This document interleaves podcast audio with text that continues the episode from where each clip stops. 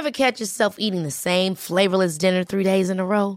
Dreaming of something better? Well, HelloFresh is your guilt free dream come true, baby. It's me, Gigi Palmer. Let's wake up those taste buds with hot, juicy pecan crusted chicken or garlic butter shrimp scampi. Mm. Hello Fresh. Stop dreaming of all the delicious possibilities and dig in at HelloFresh.com.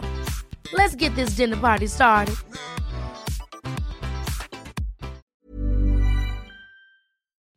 Hei, alle sammen. Det er Elaine Bloom. Ja, det er meg bak podkasten Karriereveiledning med Elaine. Her kommer en lita, veldig søt sånn disclaimer, fordi ukens episode har en fantastisk gjest, og jeg var så ivrig når gjesten kom på besøk, at det er bare gjesten sin mikrofon som funker. Eh, du hører meg, men du hører gjesten min veldig mye tydeligere. Sånn at her får du bare spisse øra. Det er en sjukt fin episode. Og hvis du kjenner at åh, men den lyden her, den orker jeg ikke høre på, du, da kan du bare få lov til å skru av. Og for deg som kan leve litt med litt sånn jeg vil si, spennende og annerledes lyd, så ønsker jeg deg en fantastisk god lytt. Eh, jeg gjør jo ting jeg ikke kan noen ganger teknisk, sånn at eh, jeg lover at neste gang så blir det helt nydelig lyd. Takk for at du lytter, takk for at du er deg. I love you. Nå blir det show.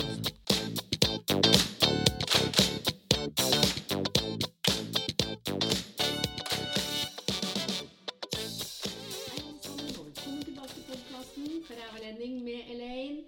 Hjemme i studio skryt, skryt. Det er egentlig bare på kjøkkenet mitt. Sitter en av mine eldste venninner. Og ikke fordi hun er så sjukt gammel, selv om hun er litt eldre enn meg. Men uh, vi har jo kjent hverandre i nesten 20 år snart. Ja. Vi har eh, målt om vi har hengepupper med blyant under puppen. Vi har eh, digga Alejandros Helify. Linn Omre Jacobsen, velkommen tilbake. Tusen takk. Åh, du, du, var en av de første gjestene når jeg starta podkasten for eh, flere år siden. Og da, eh, sånn som nå, eh, fembarnsmor. Og da var det jo snakk om hva skal du gjøre med livet ditt. Husker du det? Det husker jeg. Det har jo skjedd ganske mye siden da. Det har det. Jeg vet ikke helt hvor vi skal begynne. fordi selv om det er en podkast om eh, karriere, så er det jo sånn at karriereveiledning er egentlig i hodet mitt også litt sånn livsveiledning. Fordi man kan jo ikke se på det f.eks. være hjemmeværende, sånn som du var, eh, som noe isolert fra resten av livet eller jobben. Fordi for meg, da, når du var hjemme, så var det jo en jobb, på en måte. Det er en jobb å være hjemmebarn. I hvert fall når du har mange av de. Ja, du hadde jo mange av de. Ja, ja, ja. Husker du liksom hovedansvarsområdene dine da? Altså, det var å få barn opp om morgenen, få de barnehagene på skolen. Altså rydde huset, vaske, kjøpe mat. Alt. Altså alt. Ah. Og det var en fulltidsjobb. Ah.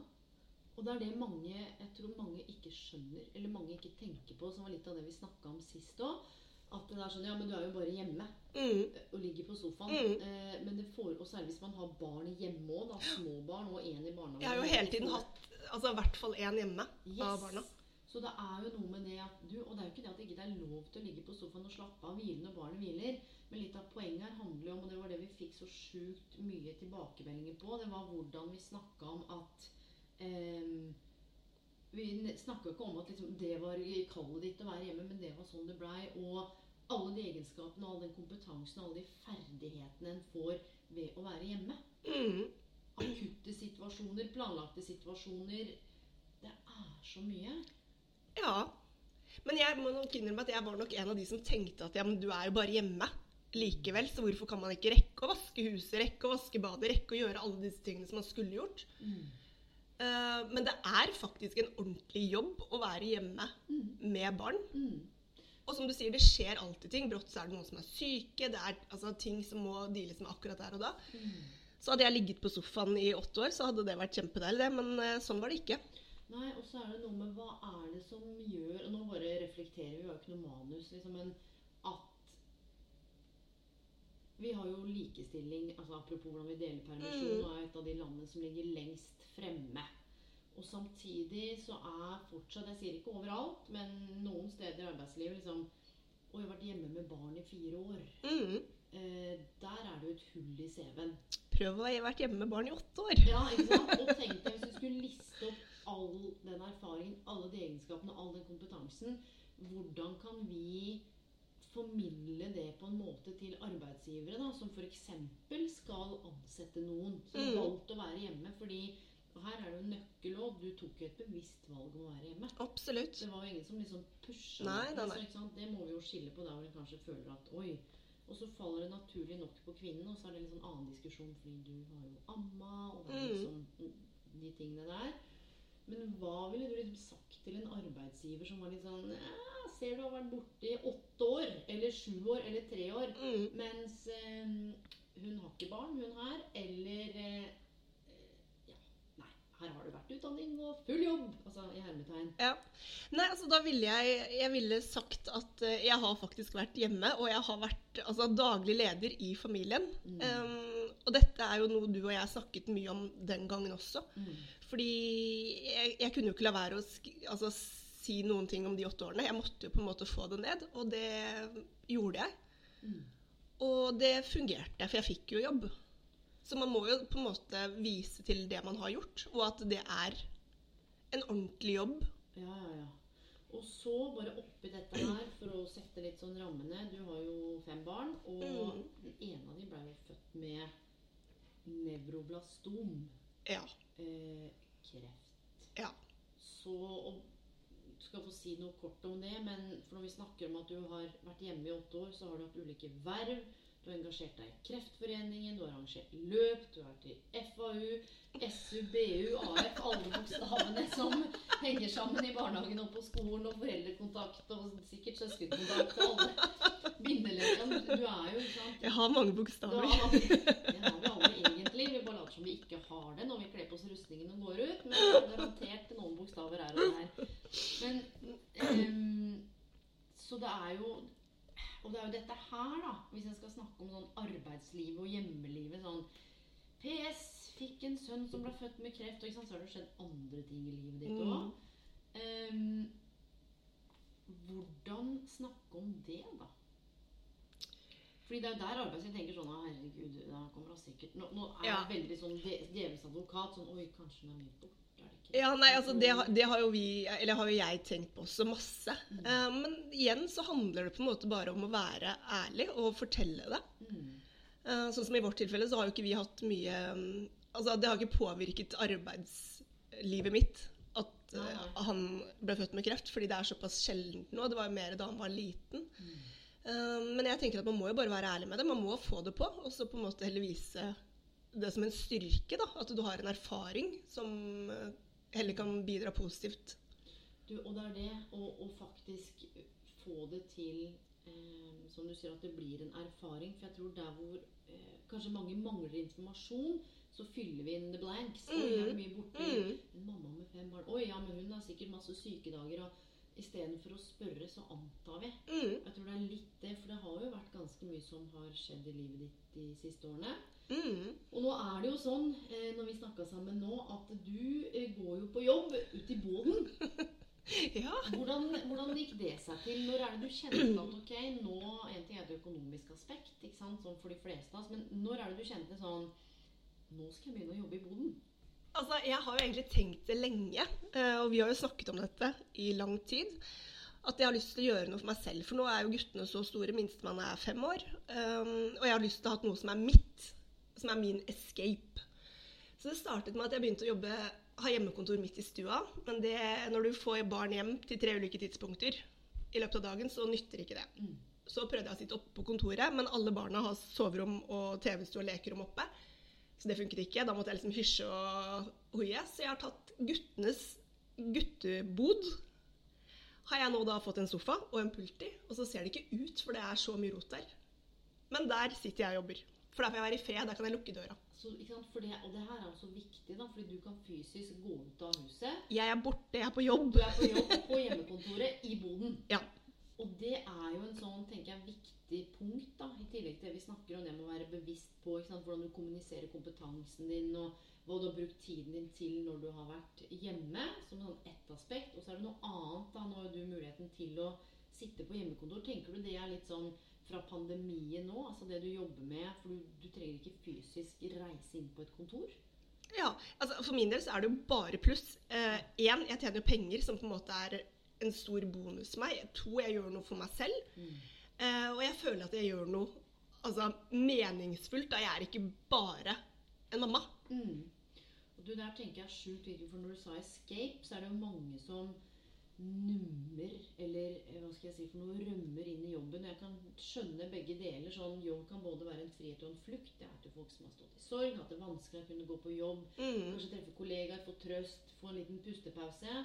Og så har du de som kanskje ikke tåler å møte seg sjøl. Nå snakker jeg ikke om deg, for det vet jeg du har jo stått i og bearbeida. Um, hvor liksom, jobben blir en flukt. Ikke sant? Man overarbeider, jobber, stuper Mm. inn i jobben, puster ikke, logger på, er hele tida alle andre steder enn der man er. Mm. Em, for når du sier escape, hva kan ikke du bare Hva tenker du på da? Hva er, liksom, hva er det for deg? Nei, det er igjen det å gjøre noe som bare er for meg. da. Mm. Noe jeg vet at jeg mestrer, noe jeg er god på. Noe som på en måte gir meg en boost i løpet av dagen. Mm.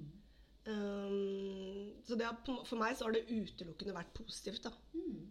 Og det tenker jeg er jo så fint, fordi det er jo Og det her Kanskje jeg får kritikk for det, men jeg skal si det. Fordi jeg prøver å sette meg inn i det å ha mange barn. Eh, logistikkmessig.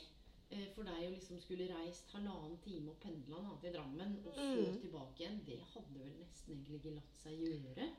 Nei, det tror jeg ikke. Altså, da jeg hadde bare ett barn og var alene med han, um, så jobbet jeg på Gardermoen. Så jeg hadde en og en halv time kjørevei hver vei. Han var den første som ble levert i barnehagen, og den siste som ble hentet hver dag. Og jeg skjønte jo fort at dette går jo ikke.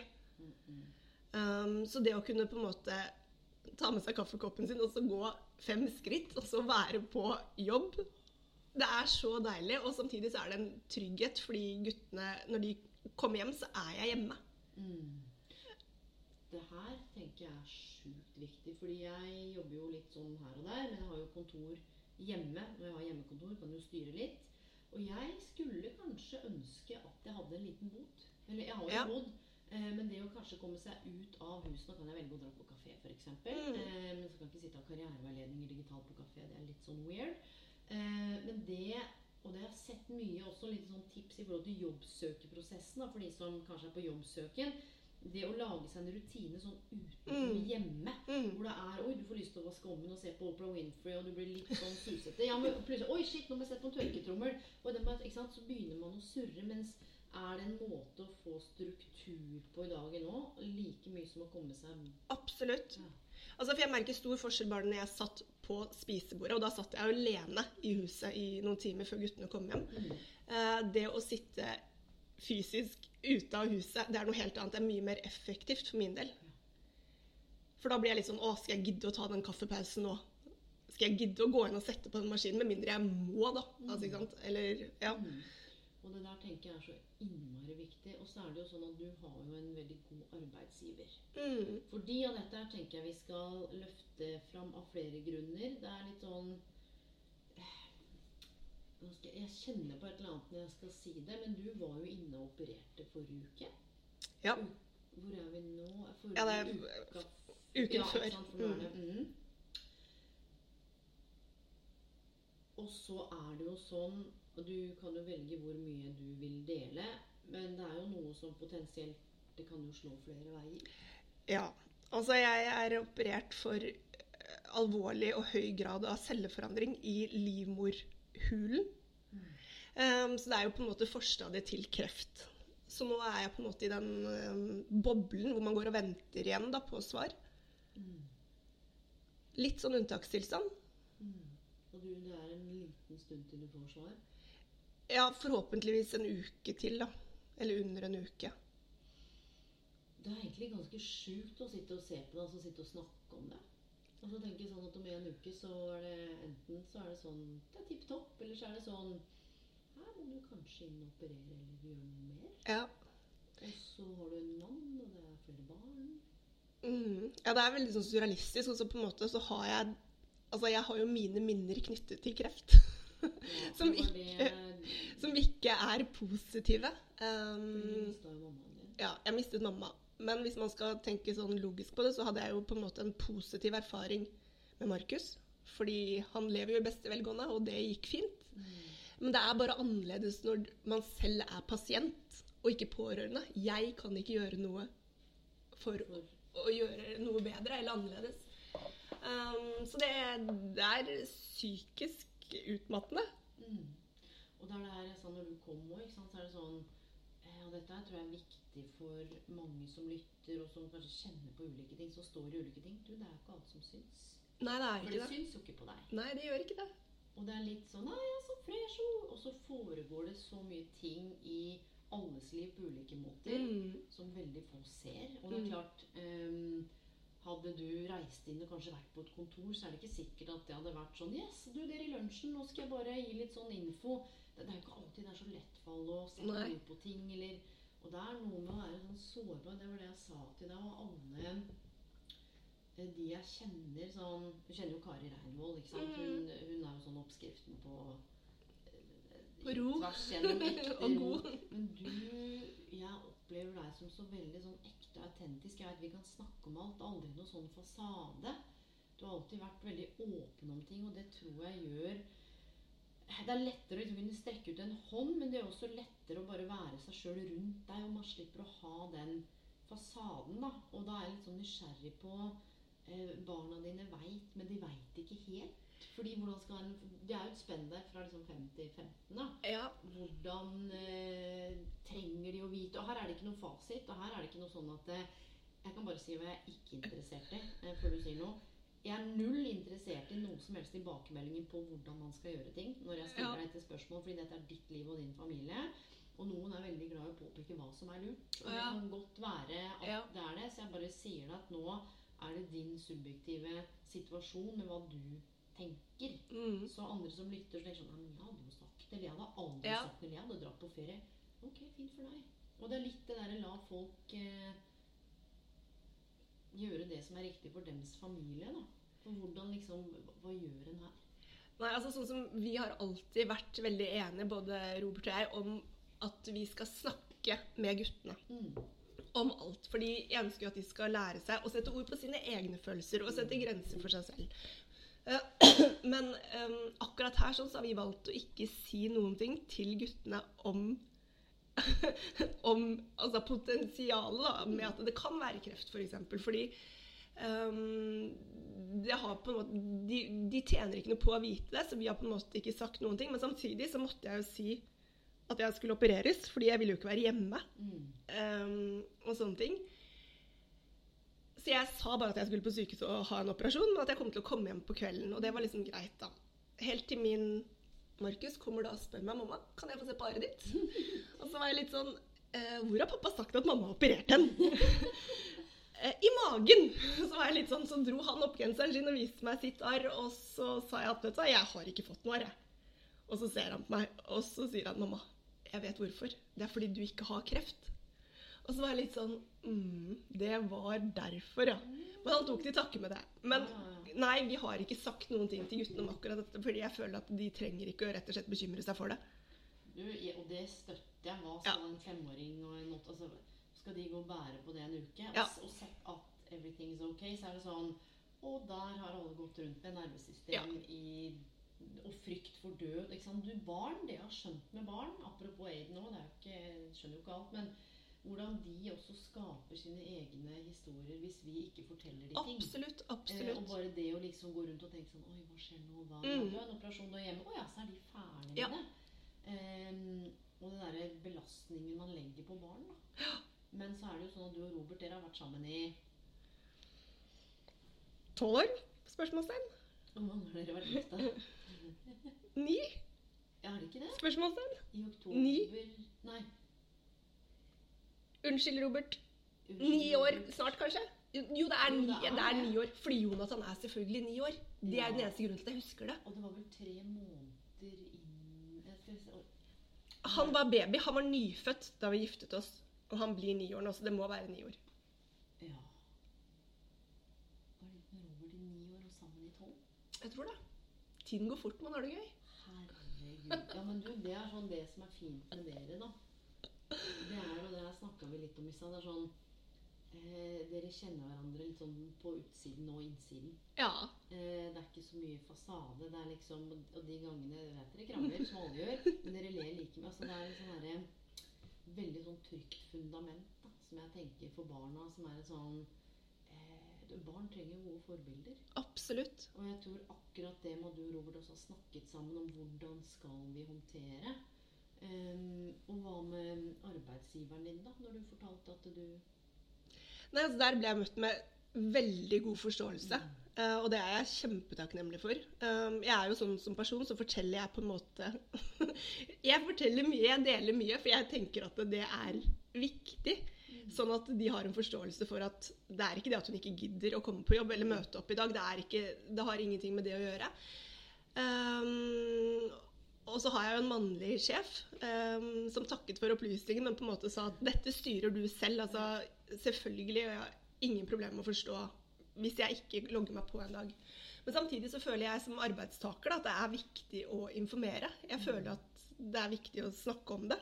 Um, Og men jeg, tenker jeg relasjonen dere har, er en sjukt viktig nøkkel.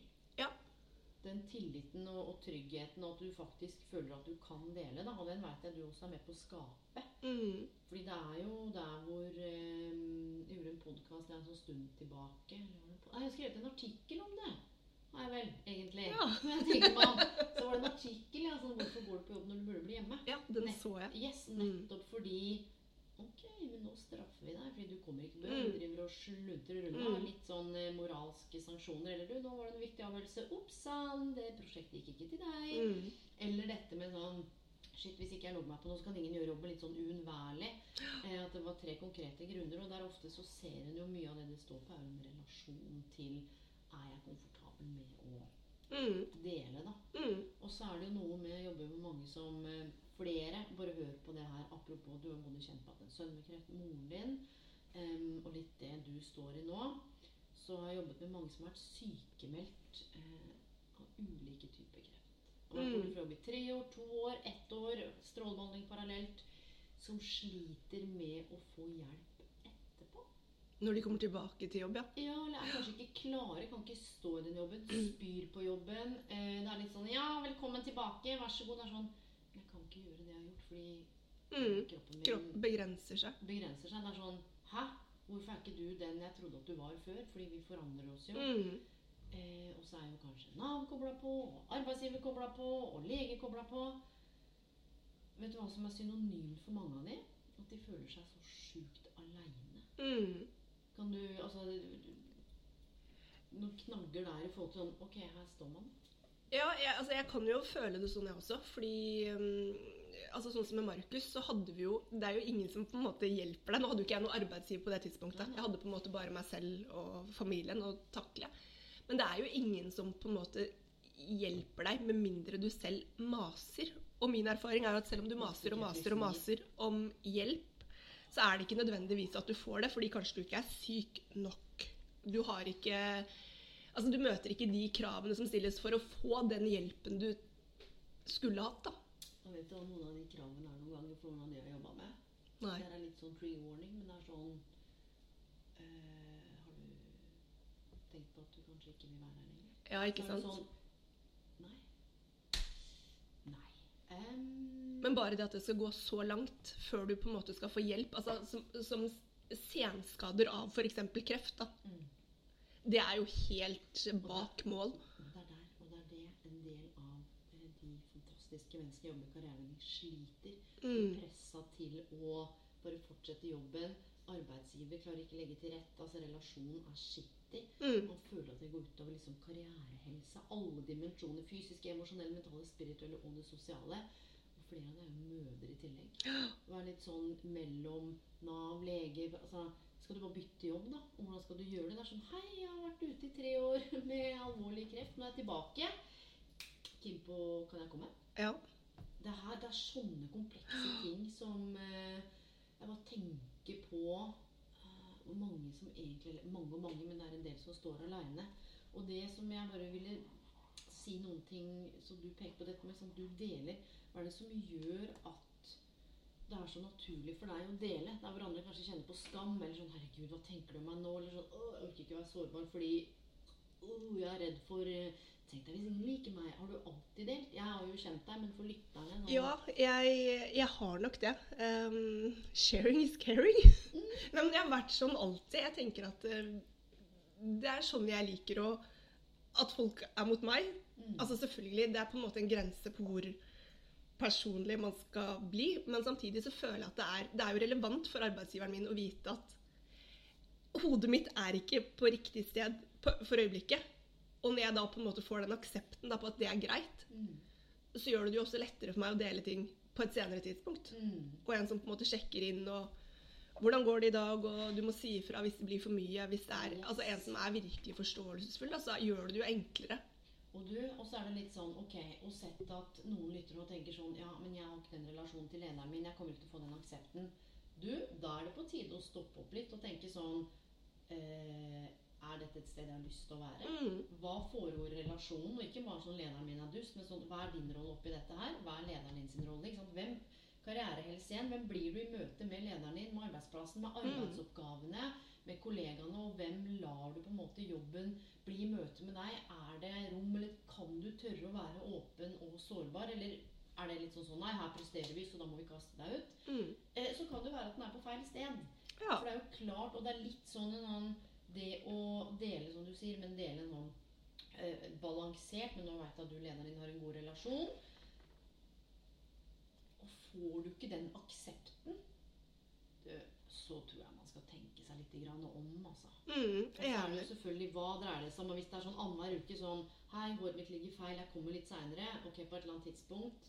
Så stopper det seg. Det er ikke alltid du kan få aksept for det, men det er jo ikke det vi snakker. Vi snakker om liksom disse tingene som påvirker oss i livet. Mm. Og hva er det som gjør at mange er så redde for å ta på ansikt, er så redde for å fremstå som sårbare, eller egentlig bare menneskelig å ta av seg den rustningen, da?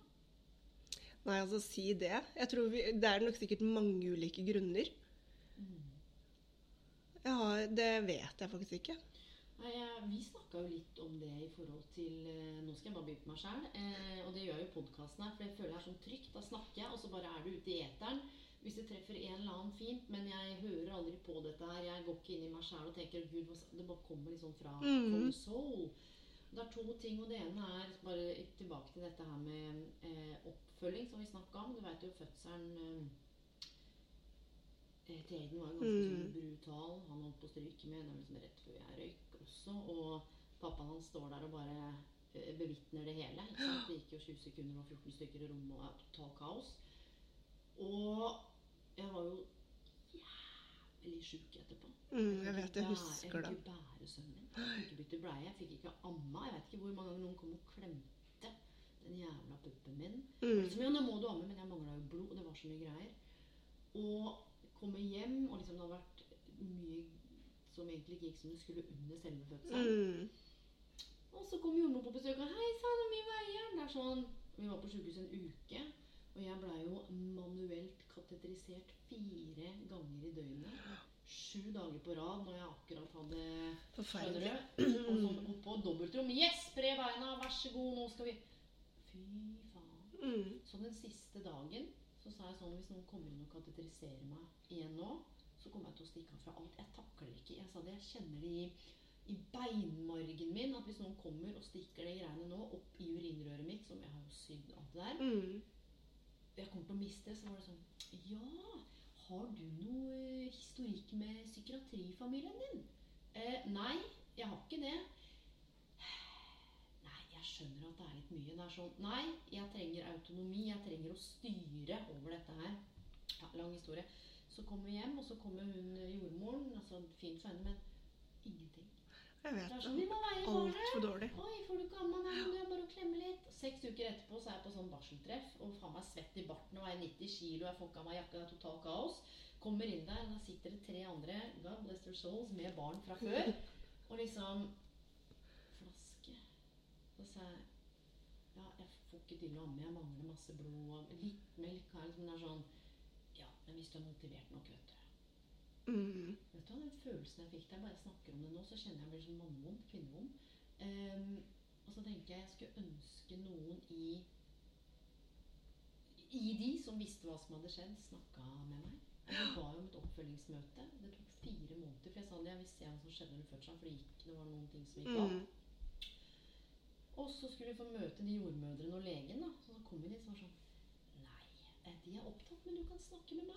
En helt annen. Her Mm. har jeg en oversikt over hva som skjedde. Mm. Det var sånn Det var oppfølgingen du fikk fra ja, sykehuset? til- Og det var litt sånn Du, jeg tror jeg er traumatisert, ja, men jeg veit ikke. Fordi øh, Og hver gang klokka er fem over ni nå, sant, Aiden, så skjer det et eller annet sånn fysisk inni kroppen min. Mm. Og det liksom er det ene sånn Hvordan skal en skjønne hvem en skal snakke med eller be om hjelp? Men så er jo liksom helsevesenet sprengt. Det er litt sånn Og med deg nå, da, hvis det skulle være noe, hvem skal du banke på døra til? Får du tildelt en psykolog for å ratte i dette her med barna dine? Og, og det du står Du skulle hatt noen å snakke med to ganger i uka nå. Ja. Jeg har deg, da. Ja, jo, jo men, men skjønner du, en, en har venner. Men tenk deg. Mm. du blir vært sånn Oi, nå venter du på svar. Trenger du noen å snakke med? Mm. Nei, du er ikke sånn at du er helt mørk, men hva, hva trenger du av verktøy? Men det er der, det er der jeg opplever, altså, eller min erfaring selv, er at du må jo selv stå på kravene. Du må selv finne ut hva slags hjelp du kan få. Eh, og så må du selv oppsøke denne hjelpen, for det er ingen som står der og peker deg i riktig retning. altså Samme som deg etter fødselen din, så skulle jo det fødselsteamet skulle jo hatt en samtale med deg før du fikk dra derfra. Selvfølgelig, for det var en traumatisk fødsel. Det vet vi jo, altså vi som var rundt deg. Jeg vet det, så er det rart når du sier det. For det er litt sånn Ja ja, det går jo fint, det. Det gikk jo bra. Altså, vi overlevde, men det er jo Jo, allikevel så er men det sånn psyken altså du, har, du hadde nettopp født et barn. Du satt der. altså Det første barnet ditt var Alt er nytt, og så er det ingen som går, går gjennom det med deg. Jeg tenker sånn for pappaen også, som var til stede. Det er traumatiserende. de traumatisert. dø begge to. Ja, Han var helt. Og så er det ingen oppfølging før dere får dra fra sykehuset. Det er jo, det henger jo ikke sammen. Ja, det der er helt sjukt. Og så Nei, Og det er, det, er liksom, det er litt av det her som er poenget òg. At det, i det satt på spissen nå, individualiserte samfunnet, det er litt sånn neoliberalistisk. Du er din egen lykkes med. Hvis du tar vare på helsa di, good for you. Mm. Hvis du er i dårlig forfatning, ja, det er din skyld. Hvis ikke du fikser karrieren din, det er din skyld. Mm. Så hvis ikke du klarer å vare på deg sjøl, det er din skyld. Alt legges på individet, men fy fader ulland hvordan vi blir påvirka av eh, alt som også er rundt. da, Politikken, tilgangen til var det prosessert mat eller røyk, eller hva, enn folk driver med, eller Alt. junkfood. eller... Så det å være et individ som skal navigere i politiske krefter, økonomiske krefter, eh, sosiale mediekrefter, det er faen meg så sjukt vanskelig. Og alle går rundt og føler at det er noe gærent med meg at jeg ikke har fått jobben. Det er noe gærent med meg at jeg ikke klarer å komme meg i jobb etter jeg har vært hjemme i flere. Det er noe gærent med meg som har vært sjuk eller vært utafor, som ikke klarer å komme inn. Det derre kollektive community-greiene, det er litt sånn borte. Mm. Og det jeg kjenner på sånn Dette er litt på sida, men etter samlivsbruddet òg Dette er jo ikke noe eh, kritikk til verken deg eller noen, men jeg har jo blitt mye mer introvert. Jeg, fordi jeg har hatt det tøft, så har ikke jeg Så har jeg hatt utfordringer med å liksom strekke ut en hånd. For det er litt sånn Ikke skambelagt, men litt sånn Å, så fiksa du ikke det, og så Det er noe sånn rart, og så skal Mm. fikse alt sjøl. Mm. Men vi er jo ikke skapt til å fikse noen ting sjøl. For et kvarter siden så levde vi jo sammen i, i, flokker av 30-40, og alle hjalp hverandre. Og det er litt det jeg tenker på nå, men nå har du gode venner rundt deg. Altså, men ok, hva hvis, da? Hvordan oppfølging får du? Eller hva hvis ikke hvordan oppfølging får du? Det er jo en påkjenning uansett. Og det er litt det her sånn Hvem hjelper når? Ja, si det. Godt spørsmål. Og hvis den er sliten, hvordan skal den finne kreftene til å banke på døra og finne ressursene? Ja. Og det, er jo ikke, det her er ikke det samme som å si sånn ah, helsevesen, det er sjukt mye bra med helsevesenet. vet det, begge Absolutt. to. Det er, folk gjør så godt de kan med det de har. Jeg veit det. Nå, dette er mer sånn altså, et politisk nivå. Penger. Det er Mm. ikke snakk om at hun sykepleieren som gjorde det, ikke var bra, eller hun gynekolog. No! Men vi lever i et relativt rikt land. Mm. Og det jeg lurer på til alle som hører på, det er liksom Hvordan går det an å skape noe, Linn, hvor folk, uansett om det har vært en fødsel, eller sitter og venter på et eller annet svar, eller har vært Hvor er liksom det community hen? Det er jo ikke der. Nei, det er jo ikke Nei. helt der. Men det er ofte sånn Vi har opplevd det, så der er vi, ikke sant? Ja. Men man kan jo kjenne på ting på ulike måter, men allikevel møtes i noe. Men jeg tror kanskje det er derfor jeg alltid har vært litt sånn Jeg snakker om alt, jeg. som på en måte opptar meg. Fordi da møter jeg ofte noen på min vei som Å ja, jeg har opplevd noe lignende. Og så lager vi vårt eget sånn community, og vi kan på en måte støtte hverandre. Altså, Det bare slo meg akkurat nå at det kanskje er derfor. Det tror jeg. Mulig. Og det handler om den åpenheten din og den eh, ektheten din. Da. At man også får lyst til å koble seg på med en. Det er sånn Hei, går det bra? Ja. Eh, egentlig så går det ikke bra, men det er vanskelig å si ifra. Men du gjør det jo lett å være seg sjøl. Og jeg tror det er det hvis en skal snakke, Og vi snakka om dette her og i forhold til Instagram. Husker du vi snakka sammen i forgårs eller et eller annet sånt? Nå husker ikke når det var. Så sa jeg til henne sånn Jeg har akkurat levert fra meg Eiden. Mm. Eh, og det er ikke sånn mørkt, men det er som om eh, det er en av regnbuens farger som er litt sånn borte. I just wanna cry. Og det kjennes ut som hjertet nå. Det bare, det bare lukker seg totalt. Nå virker, nå virker det ikke. Men jeg skal ut og virke i hverdagen uten at jeg jobber for mye nummer. Og så sa jeg sånn En del av meg har lyst til Jeg skal starte podkasten Et halvt hjerte for å snakke om eh, samlivsbrudd. Og skal man være venner med eksen, og hva gjør man med familieselskaper? Og kan man være sint, og hvordan gjør man det med nye og gamle? Og samarbeid og ikke, og barnehagen. Og det er så mye greier å ta stilling til. Um, så er det sånn, Egentlig så er det en del av meg, den ekte, autentiske, den delen med nerve og lyst til å bare Ikke påstå at jeg ligger rett ut og griner, altså. Jeg gjorde det òg. Men sånn Det er lov. Jeg vet det, men, men det kjennes litt rart å skulle gjøre det på Instagram. Fordi Men det å dele mer av den delen Men så kjennes det Jeg, jeg har veldig sånn ambivalent forhold til sosiale medier. Hvordan er ditt forhold til sosiale medier? Altså, nå tror jeg at vi begge, da, for vi er voksne nå Altså, Jeg tror sosiale medier hadde vært annerledes for oss for 20 år siden, da vi satt og målte hengepupper. Men nå tror jeg vi begge er så trygge på oss selv. Altså, jeg vet jo at det er ikke sånn du ser på Instagram hele tiden, for det går ikke. Og jeg er veldig fan av det å vise den ekte siden av det. Om det så er huset ditt som ikke ser ut, eller rommet til Aiden, som du nettopp viste meg. Altså, Å vise det ekte. For jeg tror det er det folk kjenner seg igjen i, og igjen som gjør at du da kan danne disse små communityene som er rundt deg. Ja, for det har jeg lurt på sånn når en blir Og det her, det her er første gang jeg sier høyt at jeg er alenemamma. Mhm. Men det er jo ikke noe negativt. Nei, nei, men det, det for meg Jeg har um, Jeg sier det, men jeg har ikke et bilde av meg selv som alenemamma fordi vi samarbeider så godt. Mm. Gir det mening? Mm. Vi var jo konfirmasjon sammen i helgen nå. Vi uh, fulgte sammen i barnebursdag. Snakka med dem så ikke han skal bli forvirra. Så møtes vi en gang i uka når vi ikke har Det er kjempefint. har. Han er eh, FAU, jeg er SU i barnehagen. Der er bokstavene. Der er bokstavene, ja, var av de. Eh, og så hadde vi jo en samtale med barnehagen når, eh, om bruddet, og liksom var involvert i noen ganger bytter, hvordan Aiden har det. Ja. Så det en, men jeg er jo jaggu en eh, alenemamma Mm. eh, med sjukt med utgifter aleine, så det i seg selv er et argument for å ikke gå fra noen. Aha, det er det jeg fikk slengt etter meg. Men det er et eller annet sånn rart med å si ting høyt, for det blir veldig Da blir det ekte. Mm. Jeg er en alenemamma. Du er det. Det Og en søren meg så god en nå. Takk. Det, Linn, det Og det har lært mye av deg, da. Altså ikke fordi du er men, det, men det der med å eh, dele Her kan jeg dele helt fritt. Eh, Men sånn på Instagram Jeg veit ikke. Det er et eller annet sånn Det er en community in my people, men ikke også. Mm. Men jeg tenker jo- i sånn Hei, i dag har jeg levert Aiden. Nå, her er tårene mine. Jeg spiser litt Altså, jeg veit ikke helt I don't know. Det kjennes veldig riktig å gjøre det. Og litt skummelt. Ja, men Det er fordi du ikke har gjort det før. Alt som er nytt, er skummelt. Og så tenker jeg sånn altså, Nå vet jeg ikke, jeg, tror det er over 50% av forhold som ryker. Jeg leste noe sånt. Nei, altså, si det, det Jeg har jo flaks, da, som fortsatt holder på min mann. Men du elsker jo Robert.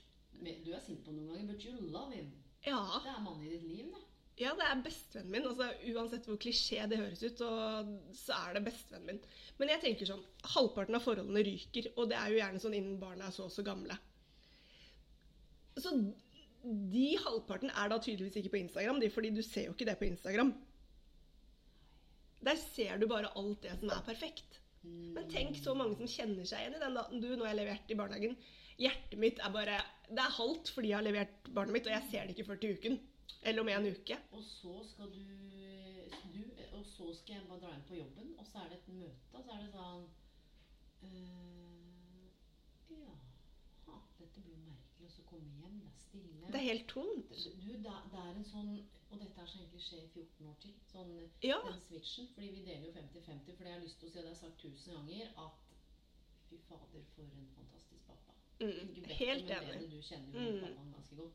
Veldig godt. Kunne ikke bedt om en bedre pappa. Helt enig. Så det handler Du, det er som jeg sa, han kunne tatt ham jorda rundt. Ja, han var stor på han er så ivaretatt. Og Mm. det, det er sikkert litt med det, da. Men det er sånn eh, Support group for low moms, eller support group for de som kanskje venter på en potensiell eh, kreft Eller de som eh, kanskje skal gå fra noen. Altså, Ja. jeg tror vi går og bærer på mye aleine som vi ikke hadde trengt. Fordi kvinner før satt jo egentlig sammen, eller var Delte jo. Mm. Men så kommer vi hjem, som jeg sa, låser oss litt sånn inn i fugleburene våre, og så lever vi isolert. Nå bor jo du et sted hvor det er mye andre barn i gata. Mm. Men jeg kjenner på her, selv om det er 70 barn rett der borte, så bor vi litt på enden her. Her er det litt som pensjonister. Jeg kjenner ikke den følelsen av community her. Nei. Men det kan også være fordi at jeg ikke har gått og aktivt oppsøkt andre. Ikke fordi sant? jeg har kjent sånn Ja, går det bra? Ja, jeg pappa til en sa Nei, vi har gått fra ja, Jeg, skjø- jeg, jeg skjønner, fordi det er ubehagelig, ja, og jeg skal fortelle deg noe helt sykt. Her om dagen, eller for en stund siden, så var jeg i bursdag. Og da er det jo Aiden og alle vennene og sånn sånn. eh, Med foreldre. Barnebursdag. Ja. Mm. Og da pappaen var jo borte, for det var jo min helg, så selvfølgelig gjør jo vi ting altså, når vi ikke har han. Med mindre vi har avtalt. Nå kommer jeg. Brace yourself. Da er det mamma, pappa, mamma, pappa, mamma, pappa, mamma, pappa. Jeg tror det var mamma, mamma, mamma, pappa. Å nei. Uansett hvordan du vrir og vender på det, så er det noe rart med dynamikken. For der kommer hun uten partner. Ja. Om det er at jeg nå er en eh, trussel, eller at noen syns synd på meg, eller Å, fy fader, hva skal vi snakke med henne om? Det er sånn faren din Du, det var sjukt kleint. Var det det? Ja, ja, ja, ja. Og jeg er jo ganske rolig og Ja. så jeg bare observerte. Det var sånn Ja, øh, øh, ja, så du kommer alene. Det er sånn eh, Med mindre jeg har tatt med meg noen andre Ja, jeg tror Eller jeg hadde vel med meg barnet mitt. Han Ja. napolina Det er litt sånn Ja, jeg kommer alene. Det er sånn Ja. Eh, ja, går det bra? Ja da. Det, Det går veldig fint. Ja. Den er sånn Og så tenker jeg, for guds skyld, spør. Hvis du lurer Ja, ja, ja. just freaking ask me. Eh, eh, Og det var flere sånne Ja, så det er du som har gitt den sånn Ja, jeg tror det. Jeg tror det. En uke, ja. Kanskje det. Prøv å tøyse litt. Kanskje jeg bomma. guri malla så kleint. Men det var ingen som spurte rett Nei, ut. nei, nei, nei, nei, nei, gud forby. Må, du, herregud, må ikke spørre rett ut. Skjønner du? Jeg hadde jo Ja, du, og det er det spurt. som hadde vært så befriende. Liksom sånn eh, Det er slutt. Det er liksom Just ask me. Det er Ja, sånn, ja, «Å, ja. Pappaen til Aiden. Du, vet du hva, det er min uke, og han er i Sandefjord og jobber, han. Eh, fordi det er min uke, og dette har vi avtalt, sånn at jeg skulle følge. Det kan godt være at vi følger sammen en annen gang. Vi feirer bursdagen til Aiden sammen. Da var vi alle sammen med familien hans. Ja. Men det er liksom sånn Og det er en liten sånn oppfordring, sånn, og det har jeg jobba med mye sjøl òg, når jeg stort sett alltid spør. Enig. Spør. spør. Absolutt, absolutt. Jeg tror det er det der med å av og til Vet du, du har jo mista mammaen din. Det er jo mange år siden. Mm. Men har ikke eh, Det er ledende spørsmål. Men jeg skal spørre. Har du ikke lyst til å snakke om henne noen ganger? Jo, jeg har jo det. Altså, jeg snakker jo med henne Nei, eller med henne om henne med guttene. Ja. Fordi ehm, Altså, hun, hun traff jo ingen av guttene. Og det er så styrt, Nå fikk jeg. Ja, men altså, guttene har jo på en måte De jo, har jo vært masse på graven hennes. ikke sant? Til bursdagen hennes, til jul, altså til alle disse store tingene. Så vi snakker om bestemor, og bestemor henger i stua, og det er på en måte ingen som kan ta plassen hennes. Mm. Eh, så de vet jo om henne. Mm. Og det er jo sånn som altså, Syvåringen min han kan jo komme og si at 'Jeg tror bestemor hadde likt meg', jeg. Ja. så Sånn som bare barn kan si. Ja. Så jeg holder jo på en måte eh, altså, liv i henne. Um, og så er det store hendelser, sånn som f.eks. jeg fikk jobb da jeg ble syk, når jeg har vært gravid. Så er det jo ting man skulle ønsket å hatt um, mammaen sin. Selvfølgelig. Herregud. Og det er, og det er, men det er akkurat det her. Eh, At man får lyst til også om det kan være en, en venninnelunsj eller en eller annen happening hvor du bare liksom du, Skjønner du? Du får lyst til å snakke om henne. Mm. Så er det ikke alltid Dette her er liksom det siste som jeg lurer på nå før vi skal avslutte. Du, av og til så er det vanskelig for andre å romme andres følelser. Mm. Det er litt sånn kleint. Vi Mm. kunne jo lata som var sånn, Ja, ja, men du venter på meg. Så du, men ellers, da. At det, er så vanskelig å gå inn i andres smerte eller følelser. Men hva er det vi er redd for? Nei, altså jeg tenker sånn Det ukjente svaret. Det er jo ofte det. Det er jo frykten for noe vi ikke vet hva er for noe. Mm. Og det å liksom eh, Hvis jeg hadde spurt av mammaen din, da, for eksempel, tenker jeg herregud, nei, nå drar jeg opp det, og du har Mm. ikke tenkt på det, og nå blir du lei deg, så er det min skyld. Jeg driter i å spørre. Ja, ja. Eller liksom Å nei, tenk deg Men det er så mye bedre å spørre, tenker jeg. Altså Å spørre Yes. på en måte som gjør at du mener det. For det folk merker, og dette her er viktig når vi spør ut av du vet, sånn litt sånn hm, nysgjerrighet, eller Det kan være nysgjerrighet, men virkelig spør ut av sånn ektehet. Eller Ja. sånn 'Ja, sånn går det mange bra.' Um, Da blir svaret deretter også, tenker jeg, da. Du, jeg Mm. vet det. Og jeg skal ha en liten sånn uh, funny greie. Um, min blir ikke spesielt happy for at jeg sier det. Men hun var jo på sjukeren for tre uker siden med Mm. Hun måtte stoppe og starte hjertet. Det er sånn hvis hun hadde visst det, er sånn klikka. Nei. Håper ikke du hører på. Det er jo fordi at det er en sånn generasjon. ikke sant? Det er ikke noe gærent, de klarer seg sjøl, alt er bra. Mm. Og fattern har vært eh, ganske syk en periode. Og så sa jeg sånn, har du bestilt legetime? Ja, fikk jo time om 15 dager. Det er sånn Ja. Men du er Du trenger hjelp nå. Ja. Du skulle vært der nå. Ja. Og så kom han til legen og måtte da Ja. Uansett så sa jeg, men øh, fikk du jo sånn Nei, men du, det var bare noen minutter. Det var masse pasienter. Det var ikke så viktig. Det så ble jeg sånn Ok, men du er viktig. Jo da, men ja da, men Mm. Du, kan vi ikke bare snakke om ting på en ordentlig måte? Enig. Og litt det der ektheten og ærligheten. Og det er litt det jeg tror lyst til å slå et slag for oss i arbeidslivet. For det virker som om fortsatt det her med å ha så mye fasade. Mm. Og jeg tror hvis alle hadde bare dratt ned den fasaden litt, så hadde det vært litt lettere å være et menneske. Absolutt. Uh, og jeg veit ikke helt hvordan, altså for lytterne, for det går jo an å følge Hvor er det de kan finne ut av mer om deg? For du legger jo ut en del av hverdagen din. Ja, altså Nå har jeg jo egentlig bare den Facebook-siden min, da. For du hadde jo blogg før. Ja, Men den har vi jo ikke tid til lenger nå som jeg jobber. Ikke sant? Ikke sant? Måtte prioritere bort bloggen. Ja. ja. Nei, så det er på Facebook, da. Fru Bevers hverdag. Eller Linn Det er Fru Bevers? Jeg tror det. Ja, Fru Bevers hverdag. For på Instagram så har du to brukere, og jeg skjønner aldri hvem jeg skal tagge. Fordi jeg bruker ikke Instagram lenger. Gjør du ikke? Jeg er så dårlig på det der, altså. Igjen sosiale medier. Jeg, har ikke, jeg er jo ikke noe god på det. Så du er egentlig ikke på Insta, for jeg tagga deg i går. Um, da har jeg ikke sett det. Men så tenkte jeg sånn, kanskje jeg tagget feil, men Fru Bevers hverdag var det. Ja. Og så er det jo sånn, for det går jo an å følge deg der. Ja, det gjør det. Er det noe sånn mot slutten, hvis du tenker Hva er liksom dine beste sånn karrieretips? Og sånn helt ut av det blå eller livs... Herregud, du Jeg føler du har levd flere liv, jeg. Og ikke sånn der reinkarnasjon at du har vært liksom At vi snakker sånn den spirituelle ghosten din tilbake i tid, men sånn Du har stått i så mye. Kan, er det lov til å si at du også har kjent på å ha et barn annenhver uke? Ja, Så du har jo kjent på det. det har jeg. Å være en mor uten barnet sitt halvparten av tiden, Mm. det er jo veldig spesielt. Sånn Det er det. biologisk. Ja. Eh, Går det bedre etter hvert?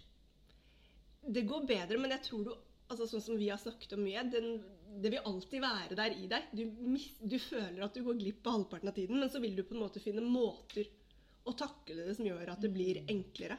Men det er jo, altså, du er jo der bare halvparten av tiden til barnet ditt. Ja, det er helt sjukt når du sier det sånn, faktisk. Ja. Men det vil jo Altså, du, du vil jo ikke ta lett på det, for det vil du ikke kunne gjøre. Det, altså, Morskjærligheten overstiger den. Men du vil bare finne en måte som gjør at det er enklere for deg selv da, å, å rett og slett takle det. Det er sjukt fascinerende. ass. Men med alt det du har stått i da, liksom livet, hva er det du har lært Hva er det du har lært gjennom livet fram til nå, da? Altså, jeg har lært masse. Jeg lærer jo noe nytt hver dag, føler jeg. Altså, sånn, men hvis det er i store trekk, så er det det at eh, Altså, du Ta vare på deg selv, for det er ingen som på en måte Altså nei, Du må ta vare på deg selv, din egen mentale helse, ikke minst. Karrierehelse. Det er også viktig. Eh, det har jeg jo lært de siste årene, på en måte. Hvor, altså hvor viktig det er, egentlig. Um, men rett og slett å Altså å, å tørre å si ifra da, når ting er kjipt eller ting er vanskelig. Det er noen ganger. Du sitter langt inne. Ja. Men jeg tror man får mye igjen for å på en måte åpne opp, da. Mm. Om det så er til lederen din på jobb, en kollega eller en, altså en venninne. Mm. En eller annen Så må du på, ja, som du kan bare få det ut til. Kanskje det skal være ukas oppfordring. At hvis det er noe du går og bærer på, altså kjenner på, hva enn det nå er, at det, Si det, liksom. Ja. På en ordentlig måte. Altså, Ab- ja, absolutt. Men det å ta vare på seg sjøl, det tror jeg er eh, en så sjukt viktig kjerne. Og så er det veldig mange som glipper der. Fordi jeg tror Ja. man bare tenker at innerst inne så er man ikke verdifull. Man fortjener det egentlig ikke. Mm. Fordi man løper rundt og tar vare på alle andre. Oh, Linn, det var én time med um, Livas. Med livsveiledning. Eh, det er mulig at du må komme tilbake, så vi kan gjøre en Q&A, faktisk. Eh, Jeg kommer, vet du. Du, takk for eh, tiden din. Nå skal vi eh, dra og spise lunsj, faktisk. Det gleder jeg meg til. Du, det, er, det her er første gang vi ser hverandre siden Det føles ut som 100 år, samtidig som du ikke har vært ute av livet mitt, på en måte. ja, Altså ja. ute av Men livet har jeg sett deg i år? Jeg tror faktisk ikke det. Det er helt sinnssykt. Har vi ikke sett hverandre hele 2023? Men det føles jo ikke sånn ut. Nei, men vi har ikke det. Vi var sammen på nyttårsaften 2022. Så så jeg deg eh, på 40- og 50-årsdagen til eh, deg og Robert Mm. i sommer. Det er lenge siden. Og det var det. Altså, Men det føles ikke sånn ut, det må jeg bare si. Nei. Men jeg tenker at uh, jeg og Aiden, vi, apropos community, vi kommer jo utover en helg. Anytime. Det har vært sjukt koselig, han kan jo få brydd seg litt med gutta dine. Kjære lytter, hvor enn du er i verden, på gjenhør, eller kanskje ikke på gjensyn Det hadde vært veldig spesielt, men eh, Linn Omre Jacobsen, fru Bevers hverdag, dama med sjukt mange fine barn og kontor i boden. Du, eh, masse kjærlighet og varme, og det er lov til å faktisk sende deg gode tanker altså, for det du går og venter på. Så med det, mine venner og lyttere, takk for tiden din. På gjenhør. Ha det, Linn! Ha det!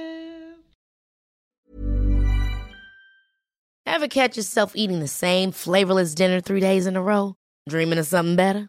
Well, HelloFresh is your guilt free dream come true, baby. It's me, Gigi Palmer. Let's wake up those taste buds with hot, juicy pecan crusted chicken or garlic butter shrimp scampi. Mm. Hello Fresh. Stop dreaming of all the delicious possibilities and dig in at HelloFresh.com. Let's get this dinner party started.